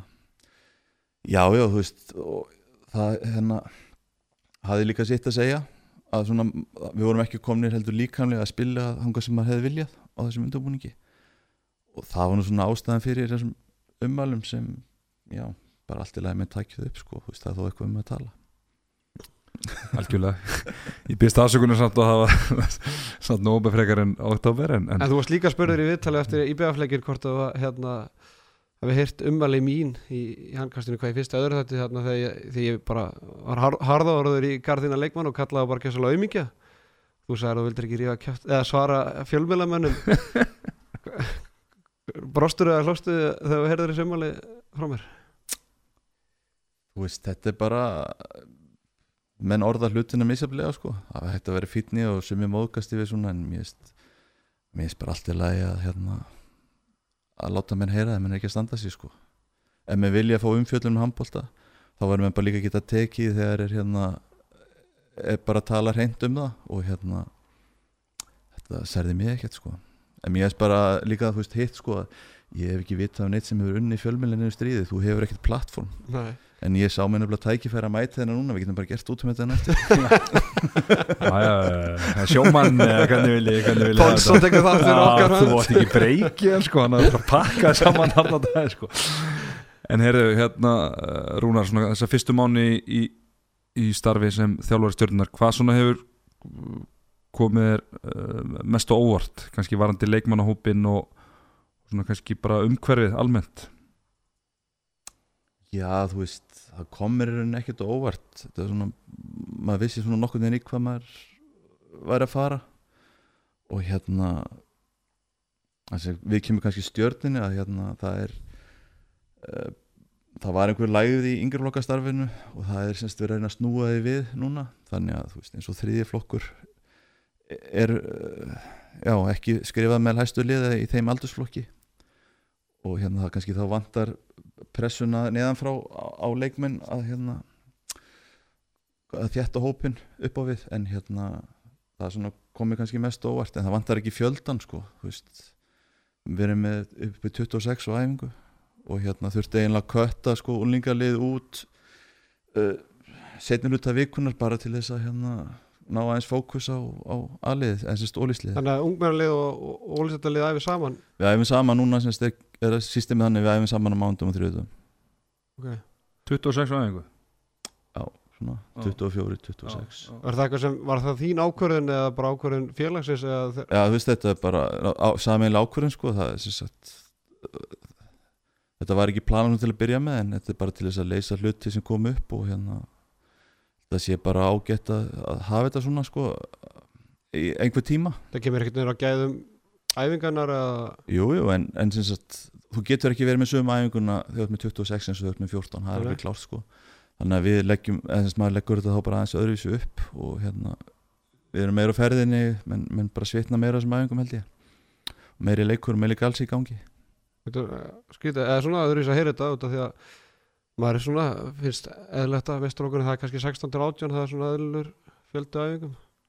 Já, já, en þess að segja, þetta er bara kom svona upp og við tæklum þetta svona og, og hérna bara allt í lægi sko, þetta er alveg hægt. Bara ef þau eru að pæli gerði í val.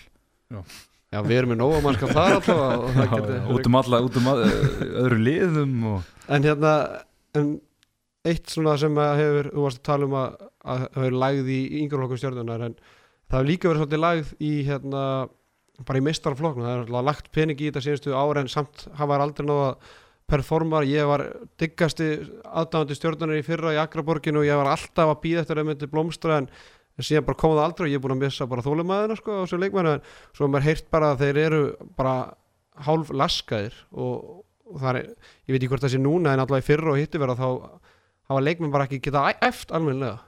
E, eru leikmenn eins og Eitt Magnússon Bjarki Már uh, Aron Dagur Ari Magnússon alltaf búin að myndu líka er þessi leikmenn að ná að æfa 100% eða ertu svolítið að þarft að stjórna svona álæginu Já, sagt, það er að stjórna álægin agli og en sagt, það er líka bara út af fyrst út af þessari rifbeins brákvöður rifbeinu sem hann fekk eftir fyrstu umfyrðina og síðan uh, í þessu leiki sem hann hefur spilað það er ekki hægt að segja hann hafi ekki lagt neitt á sig sko. En hann komið smá lemstar út í þannig að maður stýrir álægin á honum en það eigin hjálpar okkur ekkert meittur sko. Maður hugsaður þetta bara þannig. Um, hinnir hafa verið heili Ari Magga er, var úti og er ekki en þó komin í sitt fórum við, eigum hann alveg gjörsanleginni sko 90% á hann minni allir aðrir er að æfa og æfa fullu sko. Og hérna svo náttúrulega hafði sitt að segja að Bubbi þú veist að tjásum domgisluna í lok tíðanbils í fyrra og, byrjaði tíðanbilið með þryggjuleikja banni. Gekk berserskang hérna í loka En svo má ekki glemma Siggi Seðl, hann er náttúrulega ekki búin að vera með okkur undanfórnum leikjum, hann er að glemma það meðsli Já, hann er að glíma með meðsli, hann f- tók hann eftir henni læri. Hann er reyndar eftir að senda okkur læknaskíslu, Já, læknisvotar læknarsvottarið sko. En við trúum, trúum því. Okkar maður sko. Það er áður hérna, fyrir að tala um framtíðina og, og framhaldið byrjunin á tíðanbyrjunu þeir eru næstir í deildinni getur þú titla þetta sem vombrið eða er þetta bara svona svipa og þú, þú bjóst við það er alltaf hjálpa ekki til að Egil Magnússon meiðist og, og jari, jari, jari, þetta var alltaf ekki ákjáðsan alltaf lýs og þú bjóst, bjóst upp á þarna til tæmis sem þetta var Nei, nei, veist, þetta þetta eru vombrið samt sem áður og hérna þetta var svona vestasinir eða þú veist, vesta sem maður gæti svona ímyndið sér þetta gæti gerst en við myndum aldrei tappa fyrir káa það auðvitað mál en hérna þannig að þetta er eina vestaði sem gæti gerst og Þetta hérna, átnar að hlusta sko. Það getur ekki verið að hann hlustaði eitthvað svona. En hérna svo eh, það eins og segja, við, það þýðir ekkert að hérna, setja hausinn í sandin út af því. Við verðum að tækla þetta og hérna það reynir bara á.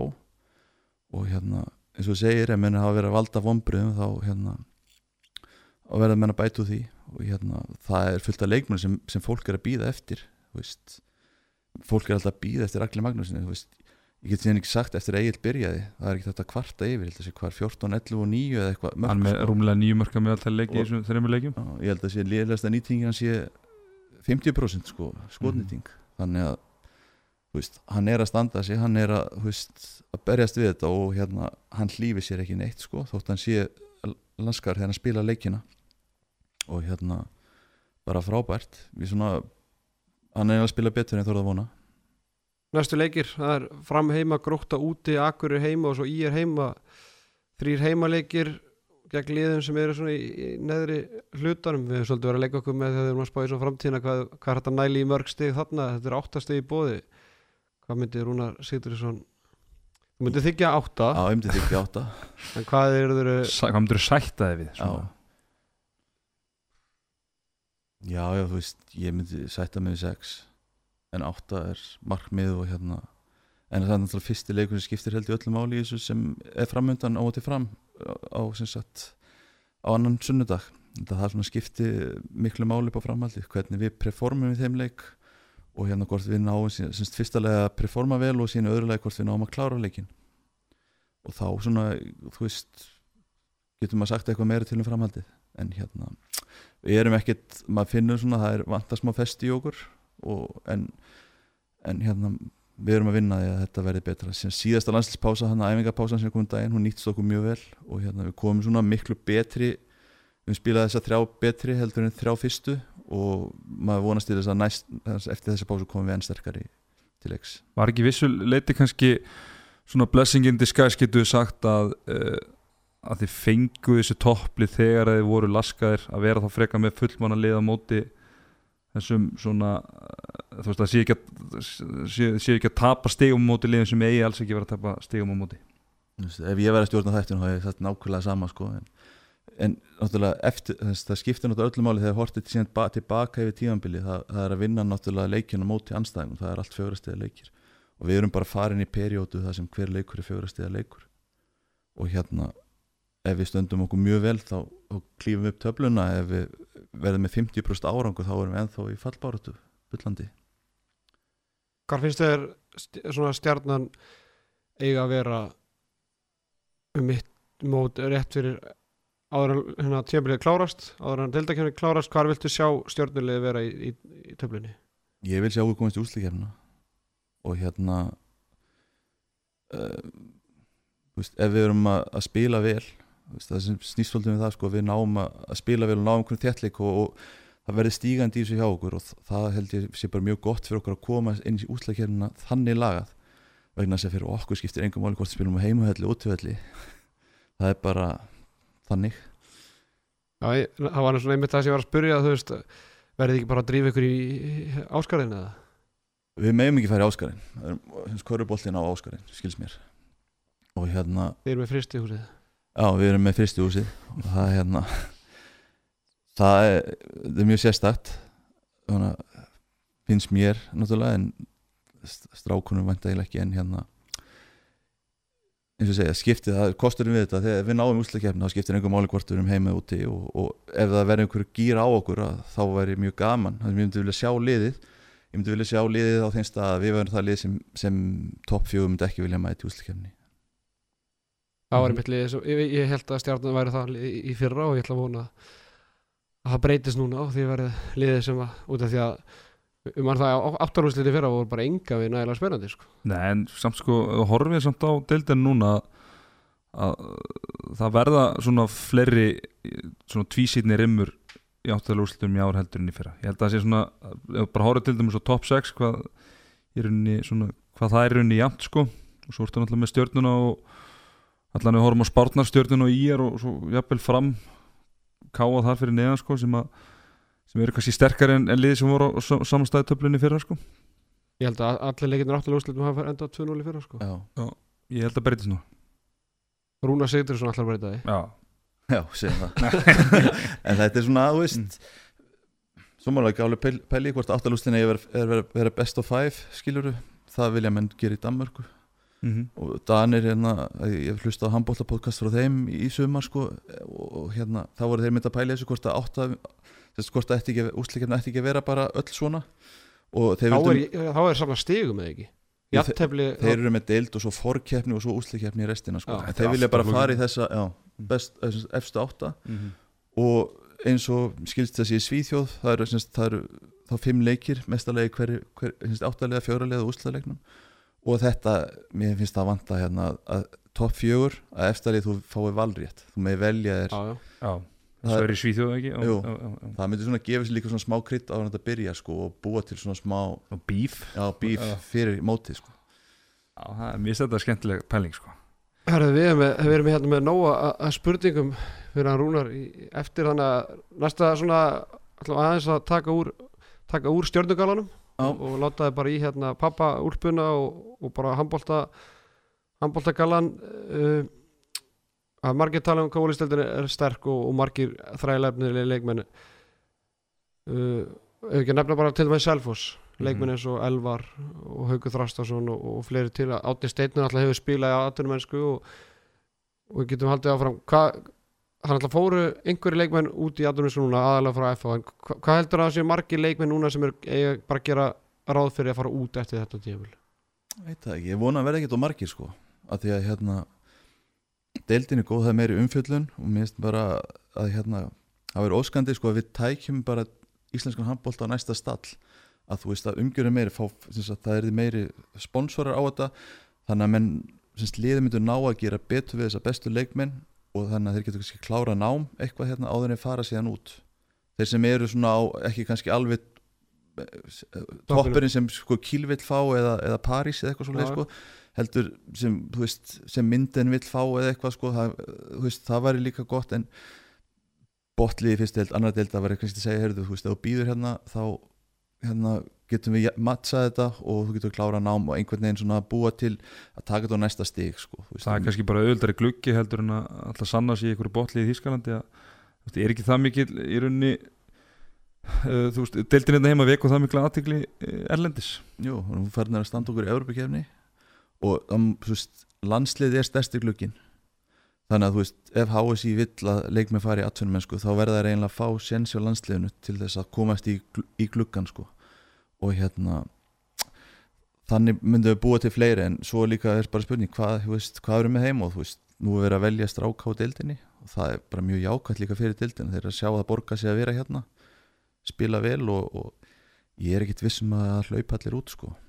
En einmitt eins og Geir Sveinsson hann var hann var að taka freka leikmann í Ólstedt kalla heldur en ekkert gæja sem var að spila í Þísku neðri deildinu eða Noregi eða Danmörku. Hann svona að trista Ólstettinu en þá, samanskapið þá einn daginn þá mun þetta springa og jafnvel 10 pluss leikmenn fara út sko, sem er búin að vera á tækifæri í landsliðin fyrst að landsliðið er svona stór gluggi sko, þannig að þetta verður haldist ágætlega núna. Það er margir góðu leikmenn en samanskapið þegar er að spila með haugan og þið eru með einhverja fjóra-fimm landsliðsmenn og en síðan gerist það eitthvað hann í hruninu til dæmi sko, að það bara hverfu bara, bara ég veit ekki hvað margir leikmenn út sko. sko. það er bara að þú kunnir að kasta og grípa þá varstu komin í einhvern andunumanna samning það fórstu bara í þriði, fjóruði, fymtu delti Já, jafnvel sko. Þess 2010 þegar ég hætti þannig þá fóru held ég þegar við lendum í þriðasetti þá held ég að fari hátt í 20 manns og deildin í atvinnum sko, svona bara þú veist topp leikmennur öllum liðum. Það var svona það var helviti stórt skarð fyrir deildina held ég sko, farinum að fannar fóru val og, og fleiri elvar, þetta var Elvar, svona gott lið á sínum tíma. Gæti það ekki gerst aftur núna Jú, ef, ef gengir hinnur, þá geta það gerst. Þá verður allt í hennu það er búið að vera aðeins svona En, en þú er búin að tala eins um styrk deildarinnar Þú náttúrulega þekkir hérna þýsku deildin og þýsku búndisleiku 2 kannski ennþá betur. Hvar getur þú svona sett þetta saman? ég, hvar, hvar að vera selfos í, í annari búndislíku Ég var í efri hlutanum sko. Það er svona svo er svo erfitt að segja sko þar ertu, þú veist, liðin eru mis, misuppsett. Þú ert með lið sem eru uppsett sem eru bara tveggja metra þryggjastafatölur í, í kílóum. Massagæðir sem byggja miðurblokk kunna og lítið eru fasti fyrir. Það er svona leift meira í annardildinni það er svona, það er ekki sem er gæðin í dómgislu þannig að það getur verið mjög hart sko og heimavellin eru ótrúlega sterkir. Um, líkanlega eru menn allir miklu sterkar en ég held að þú veist, Selfoss svona, er svipað eins og slóinir með landsliða. Svona, þú veist, minna lið, snöggi, fljótir geta alveg klára sig í, mjög vel sko þannig að þeir voru klárlega í topparatunni aðtiklisvert En hvar í, þú veist, var þeir í fyrstu væri þeir, Já, í fyrstu deildin já það væ- væri væntalega þú veist, í, í fattbaratunni þeir voru ekki liðlegast að liði sko. Nei. Þannig að Meina, já, við erum að taka selfhúsadæmi enda með, enda, með, enda með tvo landslýsmenn Já, til dæmis. Ég held að markvæsla myndi kannski aðeins vera erfiðari þar sko. Það er svona það er me meiri skittur, meiri skot. Herðu, við ætlum að hérna, fá þið aðeins til að hérna, segja þína skoðun á nokkrum punktur sem hafa verið svona umræðinni í handbólta samfélaginu síðustu daga, vikur og, og mánu og svona þar ber helst skotklukkan. já, Hvað ertu á þeim vagni? ég vil endilega fá skotklukku eða veist, það er eitthvað að gera í þessu vegna þess að sóknarleikur í handbólta þú veist, menn er farin að spila sko þrjú kerfi í einu kerfi áður en það kemur að einhverju slúti og það er alveg gefið mála, það er hægt að gera þetta miklu hraðar og, og effektífara. Og þú veist, menn eru byrjar að ná í hotnamann svo fyrir þetta flotta kæró og svo taka með eina juggafæslu og þá byrja sóknin. Og það er kannski liðna sko 40 sekundur eða eitthvað og það eru bara allir að horfa á þess að slaufur endalög sko. Og svona það er alveg pláss fyrir skotklukku eða allavega einhvern nátt að minka uh, tíman í sókninni. Hver væri tíman á skotklökunni á Rúnari? 40 sekundur, Nei, 30 held ég sko. 30 30, já. Ön- önnur pæling sem mennu hafa verið að tala um uh, taka út miðju? Já, veist, allt sem gerir leikin ræðari veist, við erum til dæmis með með fjögrametta punktin fyrir markmenn sko, þú veist, annarkvort kasta hana bara út úr tegnum eða við, það er að nota hennar punkt sem start á hérna á, á, á hraðari, eða semst að koma Mhm. bolta í leik Mhm. það myndi klárlega að gera leikin hraðari en þú veist, leikurinn var orðin hraðari þú veist, hérna upp á aldamótum þá var hann orðin hraðari og þú veist, Lemgo verið þýskum meistari á, á hröðu miðjunni 2003 minni mig og síðan hefur þetta bara eftir að hendin koma þetta drasl sko, þetta bara Að veist, við erum að spila sóknina og við erum að tala um kerfinu eins og erum að segja sko, þetta eru komið þrjú kerfi í eitt bara til að færa varnirnar og eitthvað og ætla sína að ráðast einu sinni á. Og það enda kannski með frítkast og svo byrja sama ringa vittlisann aftur. Svo kemur hendinu upp og þá allir byrja með að drippla og hérna, þú veist lendi því eins og úti, það er sko þjóðverðinni ákvað þeir ætla bara að taka sex sendingarnar þú veist, telja bara alltaf sex sama hvað? Sama hvað, þurftur ekki að vera að sækja á einu sinni, ja. nei, bara sex. Já. og þá erum við að tala um sko að þetta, þú fórst alveg þrjár mínútur, meina svo já, æ, ég er búin að heyra sögu það var hérna miðjumann, já, og vita hvað hann hittir allavega það, það er einmitt á, þetta er myndklipa á, á netuna það sem að hend, eða, þú veist, það var ein sekund ekki eftir og þeir náðu að haldi 1 á 40 já, ein, þú veist, bara, já, það var bara fríkast og svo aftur fríkast og fríkast og fríkast nú vitið báður handbólta sko, þú veist, ef þú hefði bara 5 sekúndur það er mi- mikið hægt að gera á 5 sekúndum. Mhm. til dæmis bara til að flýta þessu ferli og þú veist skrítið til dæmis að drippli sig ekki tekið með í þessum sex sendingum, það er miklu gálega að hafa bara alltaf klukku. Eða bara hafa sex sendingar og, og, og ef þú búið með sendingar þina þá bara, og eh, kannski fríkast í gangi þá þarftu bara skjóta eins og þegar leiktimni er runn út sko. en akkur með ekki bara vera þrjár sendingar skilur er svona, Já, Já, eða, e, núna er ég enn og aftur að hugsa uppátt að þegar hendin er komin þá kemur eitthvað skotklukka sem þú hefur 7 sekundur eða eitthvað sko. Út af því að oft líka að tala um að handbólti er bara allt öðru í sig fyrstu 55 minútunar og senustu 5 minútunar Já. það er bara þá allt henni verða sókninar 30 sekundur, 35 sekundur og hendi komin upp bara um meðan leið kannski og- fyrsta sókn í handbólta hún er bara ofta tíðum bara mínúta. Já, það er bara menn eru bara að heilsast og náðu sér í klístur og ég veit ekki hvað og hvað Já, sko. ég veit ekki, þú veist, hvað finnst ykkur til dæmis þú veist, nú eru reglunar í handbóltan, það breyta síðustu 30 sekundunar, Mhm. þú veist, af hverju er ekki bara óýþjórtumannslega framkoma allan leikin víti og þú heldur bolta eða, þú veist, af hverju gildir það bara síðustu Ég ætla 30 að meina hann að brotin og, já. já, Já, sem að vera skulda uh, já, já, það er það er já, vít og, vít og raut, já, nákvæmlega, svo nákvæmlega. vil ég bara sjá eitt dómara Mm. bara sem stendur á miðunni það er ekki verið að hlaupa eins og leikminni fram og tilbaka og vera súrinslaus síðasta korteri sko. Hvað með að sko, en sjá með línu og hana bara þetta með línuverði bara eins og gamla daga, já. þeir voru kassa í gamla daga sko. en, endalínu dómara ha, já, já, þú veist bara þá ertu með einn, dæmið þá einsbáðu megin. Mhm. það verðist vera vesta, mesta vandamáli í dómgíslinni það er þetta að hafa þetta einsbáðu megin. Dæma eins og svip þessum sömu brot þú veist. þetta samræmi. Já, annað sem er nýtt það er uh, 7 og 6 burt með það bara markmann er eða í marki. Það er ekki flókið. Nei, þú veist, til dæmis refsing.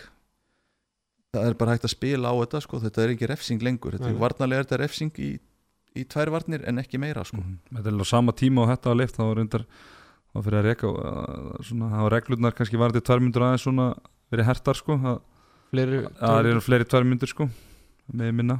Já, eins og, eins og ég segi sko, bara aldamótum var sóknar komnir upp í 60 á leik sko, það er bara eina mínútu á lið og nú erum við komnir einhverstaðar réttur umlega 40 hægustu leitkjönum sko, á toppleveli þannig að það er ágætt spreyting minga skemmtuna segi ég sko. Já.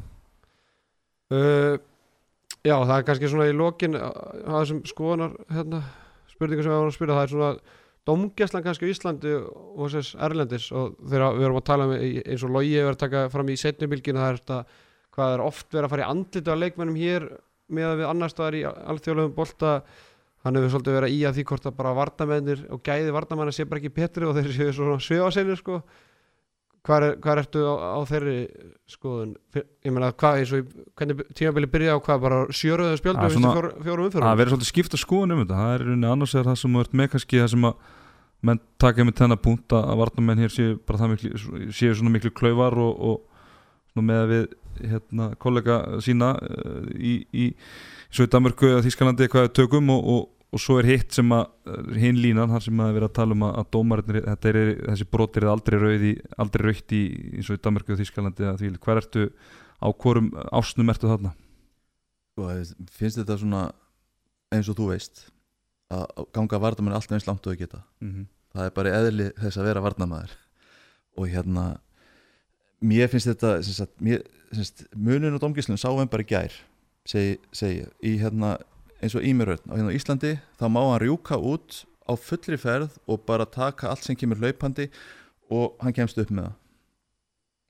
Yfirleitt, yfirleitt. Sko, í alþjóðnum bolta þá er bara strax refsa bara út.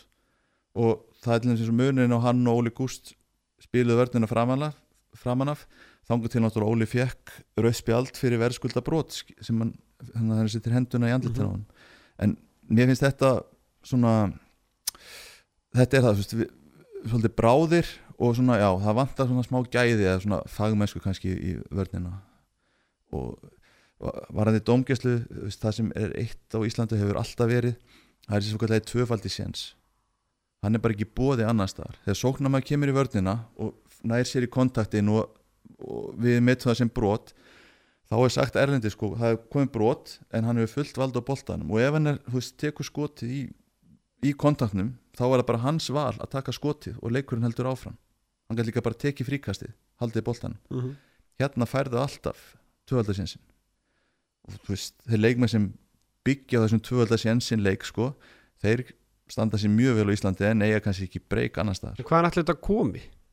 Ég veit það ekki. Þeir eru bara dómarnir hrættu við þá leikmenn sem augraðum og herðu, ég vil fá fríkast eða skilur, þetta lítur að koma einhvers ára, þetta er orðið svo ótrúlega eðlilegt bara eins og, bara eins og línum en það er bara að þú búin að fá boltan á línu þá ertu bara garantít með annað með mark eða vít og tvær sko. Já, já ég bara þú veist það er uh, þetta er, semst, svona er þetta hérna allavega. Þetta er alveg rétt maður með víti og tvær þú veist, bara á einföldustu brot er maður sé alltaf víti og tvær þú veist, það er víti en það er flest þessar brot það verður skuld ekki tværmyndu líka. Ég meina það er bara með línum að sem kann að það. Já, þá ertu bara komið ykkur hann sný, snýr þér af sér Já, og þú sleppir honum já, já. og kannski of seint, pínu of seint en þú veist ekki að teika hann, þá er þetta náttúrulega víti. En ekki að vít og tvær. Þetta er svona, þú veist, og svo samræmi báðum megin, það er svona, þú veist, og mér fannst þú veist, aðalega leiðilegt að koma staði að hérna að það skipti máli á öskur og dómarana þú veist, maður þurfti að í þann pakka og það er bara að virka, þú veist, ég sá þetta bara í FH, Dóri var hérna fyrirháleik grimmur á, á, á, á dómarana Já, já, og það var bara, þú veist, ef þetta er geimi þá verður bara að taka það já. og þú veist, það, þeir megi ekki láta svipla svona sko. úti ef, þú- ef þú fer að láta svona svo fíbl á, á hliðalínni þú veist, þá dæmaði bara mótið þér og átti ekki neitt inni kannski leik eftir leik ah, já, já, þú veist, það bara, þú veist, þú bara haga þér sko, já. það er þeir, ná, þeir hafa öll völd á vellin þeir ráða alveg nákvæmlega hvernig leikunni fer fram Nákvæmlega, það er alltaf verið að reyna að komast í hausin og sem blessuðu dómurum gera starfið þeirra erfiðara. Sem málurum og pípurum Já, og alls konar. Það er allir að reyna að gera sitt besta. Algjörlega, algjörlega. Heyrðu, taka spurningar frá, frá hlustöndum já, Rúnar, það er bara eh, við báðum hlustur um að koma með spurningar á þig Þannig þeir að voru nú nokkuð góðu bara við Já, já, þetta er engið Nú, var- var seðlinn að senda það? Siggi, já, hann gera það reyndar undir, undir nafnlind. Nú, enski eða, Hvað er sí, já. Þeir kalla hann enski strákanir Af hverju ætli það sé? Herðu, upp á sleikmaruðin í, í Grill 66 deildinni? Þessi spurninga frá Hjörvari Haflega sinn. Dr. Fútból Dr. Fútból Já. Við tökum náttúrulega ekkert öliðin með þetta. Það er hérna Sigurðan Guðmundsson Markmaður í Háká Hann er glánað með Háká líka. Fortnæð spilarinn ha. Hefur ekki söguna það að slasa Jó, þér? ég hef heyrt það, hún er eldur góð. En hérna Já, svona Gummar Hakels Á, svona Guðmar Hálkis Og Valdísar. Og Valdís Já. var ekki gleyma henni. Nákvæmlega, nákvæmlega. Uh, Já, vorum eiginlega búin að koma spurningum. Mér sitti Sigtur Grúnsson kom heim í stjórninu í janúar fyrir metfið Nei, hann mun ekki koma það mun ekki gerast. Uh, og talað um svonin uh, svona Þessi kom frá sitta sjálfum held ég. Já, Já, hvað myndur þú segja að hann væri svona stattur á ferlinum? Er, er ólíklegt að hann spila á Ísland á, á næstunni? Hva, svona, hvert sér hann? Hvað er uppsætti í honum myndur þú segja? Sko ef hann hérna, helst heill Þá er hann væntalega ekki að koma heim. Þetta er svolítið spurningu það. En þú, nú ætla ég aðeins að grífa fram í Hún ætla að tala um að Ísland væri risa stökkballur Já, Þú veist, væri ekki Hún ætla veit ég voða lítið um hans þróun og svona en Já. En ef hann kemur heim og væri bara eða bara myndi standa sig. Væri þetta ekki stærri þá stökkballar fyrir hann eða er hann komið með bara það nafni þýskarandi að, að liðin vita hver hann er semst, með ágætt nafn í annaðildinni og hérna þú veist er, er svona berist við að fara upp um, um deild með sínu liði sko. Og hérna, en þú veist, það er náttúrulega bara ég get ekki svara fyrir hann en hérna ég myndi halda þú veist að ef hann helst heil þá mann hjálpa liðinu sem mynd þá væntalega að fara upp og þá, ég sé ekki menn sem eru komin í fyrstildin og koma heim alveg strax en hann er að stefna að því sko. En að því hann er búin að fara þessa leið en þú veist, svo hvað veit maður, þú veist, háskólanám þetta er allt uh, bara gefum bara ljós. Mm -hmm. uh, Já, þessi er skemmtileg Af hverju far markaðist í leikmaður Ulisins Eithor Vestmann ekki tækifæri með alliðinu svo ungu öfnilegi leikmaður og ég veit við hvernig þú átt sko. Hvað sér þið? ég veit við hvernig þú átt sko. Veistu það, ég ætla hérna ef, ef varnarleikum fer ekki að lagast þá allan kemur hann þar inn. Hann er hraust- hann er hraustur. Já, hann líka, þú veist, það er okn í honum þegar maður sér hann sko, hann, hann spilar held ég sko ellbúningi væntalega með auðliðinu, Já, hann er nýþröngur og hann er mjög kröftulega vaksinn já, já vel, vel flúraður og, og vel flúraður og ég held að svona, já, það eru margir sem, sem svona verða smekir þegar ég sjá hann Algjörlega, algjörlega. Uh, Svo kemur hérna spurning frá Fannari Frey Guðmusinni Það gekk ekki nægilega vel til að byrja með Það var Ari Magnús svona ríkalega mikilvægur. En þú vildur meina að þú ætti 90% inn í Já, Já, en þá er 90% inn í honum sko, já, já. hann er mikilvægur, það er alveg klárt en hérna þetta er kannski ekki allt hann en svo var líka verið að koma með á móti eiginlega að spila eiginlega yfir pari fyrir mitt þessi þrjáleiki röð, bara helviti vel þannig að það kannski hefur ekki fókusin farið eins mikið að aðróta því. Mm Algjörlega, algjörlega uh, Já. Ævar liðaldri 6 og 4 Já, þessi kom frá hlustandi sem var að, hlust, var að horfa á hérna landsleikin í gær. Já, var, var að bara eiginlega að diskutera og spyrja bara æfa liðaldri 6-4 nei, eða þú veist ég er bara fyrir mína parta. Man, man finnst það oft sko vandrarlegar heldur en það liður 6 og 5 sko. Já, það er líka, það er þetta, þetta moment sko, þú mátt ekki klúðra þess. Þetta er of einfalt Já, sko. þetta- þetta er of, þetta- er gott færi en bara nei, þetta er ekki alveg nóg gott. Hotna með fara aldrei inn í þessu til Nei, dæmis. nei, nákvæmlega. Ha, þeir þú ekki að klikka, þeir fá- fá aldrei meiri séns í öllum leiknum Já. ef þú er samt aldrei að fara inn sko. Nei, nákvæmlega. Það þú er engin að fa- gefa á línuna af því að þú veist menn finnst að menn eiga að fara í gegnum miðjuna og þetta er Er þetta eitthvað sem- mögnustaða er þetta eitthvað sem þú myndir kannski íhuga að fara bara að æfa þetta er, þetta er eins og segir, þú vilt ekki tappa þessu kapla þú vilt bara skora í öllum sóknum sem farið en já, svo kemur á móti sko, þú veist, við erum ekki þetta lið sem er að vaða inn í vörnina ég held að nei. veist, brottvísunar hafi verið 2-10 á haukum sko, á móti haukum já, já. en ég kannski að tala bara svona yfir höfu þjálfar ætti kannski aðeins að það held að sé alltaf að taka þetta svona með, með og hérna, vita hvað að gera allavega það þarf oft ekki, þú veist þú getur tekið eitt kerfi og gera það svona og setur það bara fast. Góða punktur. Það borgar sig að koma hérna. Já, nákvæmlega. Tekur tónastæðingu. Uh, Þjálfara, þjálfara, þjálfara starfi hjá stjörnunni Er þetta 100% starfi eða er þetta að vinna eitthvað eh, annað með þessu? Ég er ekki í fastri vinnu núna. Ég hef ekki komið með fasta vinnu En búin að vera einhvern og ég stefnaði að fara í fasta vinnu. Þannig að þetta er ekki 100%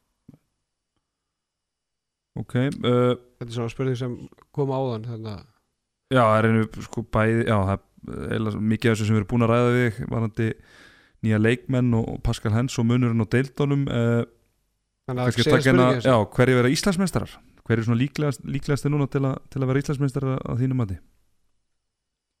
Veit það ekki. Fyrir utan stjörnuna. Það er dag og vitum, vitum við nú hvað, hvað liði best?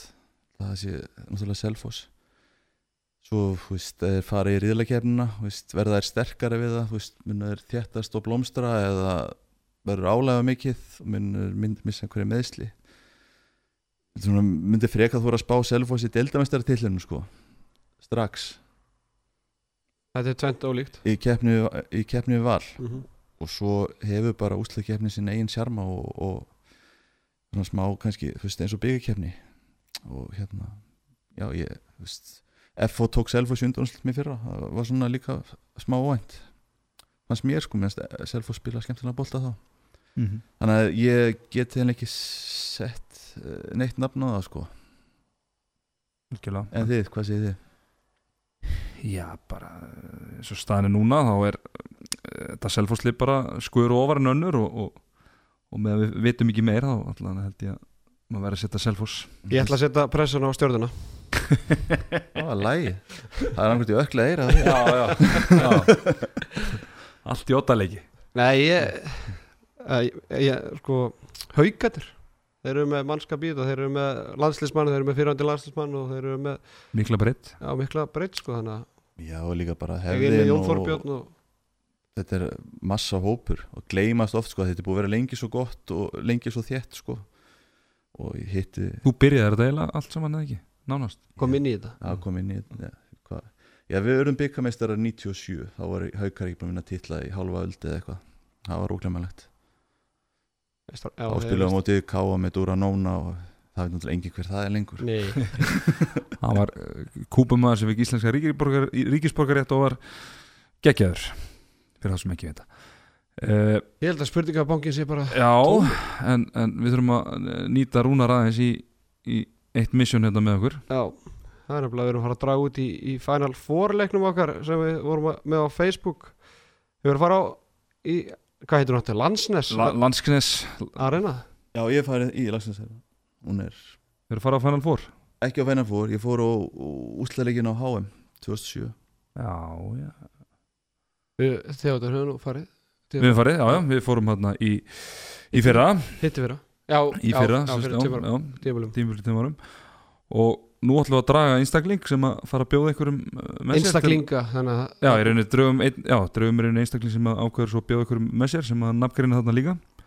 Þannig að ég ætla bara að byggja hérna uh, Rúna Sigdursson að að skrolla hérna yfir, yfir listan. Og svo myndu bara stoppa. Þú, eða þú mátt eiginlega bara segja ég ætla að skrolla hérna. Og svo segir þú bara Stopp er, þetta er, sýnist mér annarkvort mæðgin eða hjón.